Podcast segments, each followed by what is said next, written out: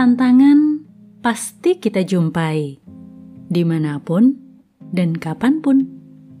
Pertanyaannya, apakah kita siap menghadapinya?